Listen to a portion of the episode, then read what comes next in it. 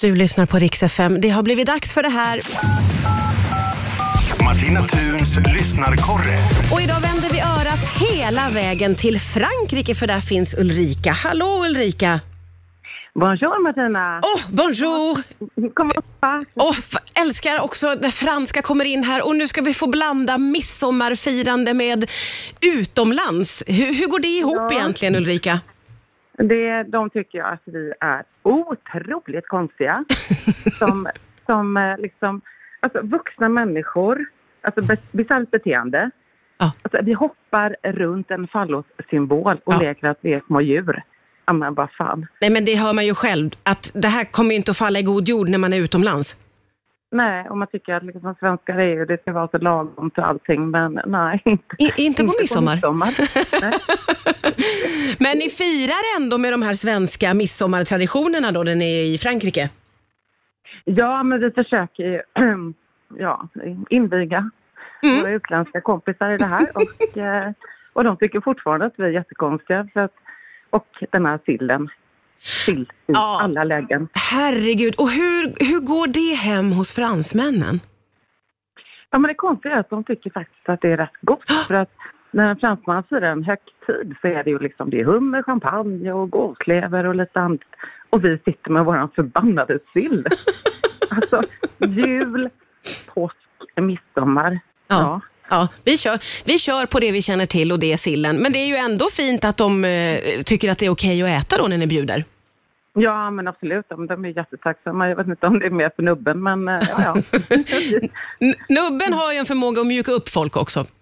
Verkligen, för att få fransmän att hoppa säck. Ja, alltså det, det är ingenting de gör till vardags. Nej, jag, jag, tror inte, jag tror inte att det är någonting man brukar göra här nere heller. Så, alltså, alltså, det är så konstigt. Vi är så konstiga, vi svenskar, när vi kommer utomlands.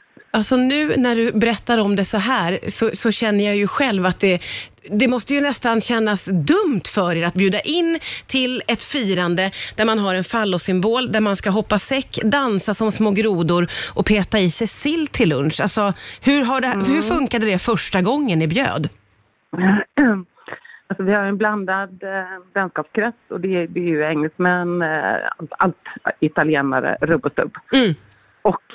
De tycker fortfarande att vi är skitkonstiga. Men vi bjuder på lite annan mat också, eller inte, vi bjuder på väldigt mycket annan mat också. Men eh, ja, det är våra svenska traditioner. Jag vet inte om det är något annat land som har samma traditioner som vi har.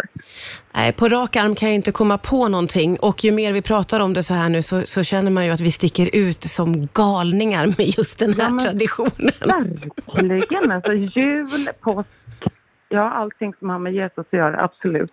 Men varför firar vi midsommar? Ja. Det är så obegripligt. Ja, det är faktiskt obegripligt. Och allting som vi väljer att göra. Och så älskar jag det obegripliga faktum att du tar med dig allt det här till Frankrike och prackar på det på dina vänner. Det är på något sätt underbart i sig, tycker jag. Mm. Vi har en midsommarstång på bordet men annars så kommer vi då leka eh, små grodorna runt för ett olivträd imorgon istället. Jag orkar inte. Jag orkar inte hålla på. Det får gå med ett olivträd. Det låter Jajamän. som att det kan bli ett underbart midsommarfirande. Ulrika, tusen tack för att du var med och rapporterade. Njut nu av Frankrike. Det gör jag verkligen. Eh, ha en fin midsommar. Tack detsamma.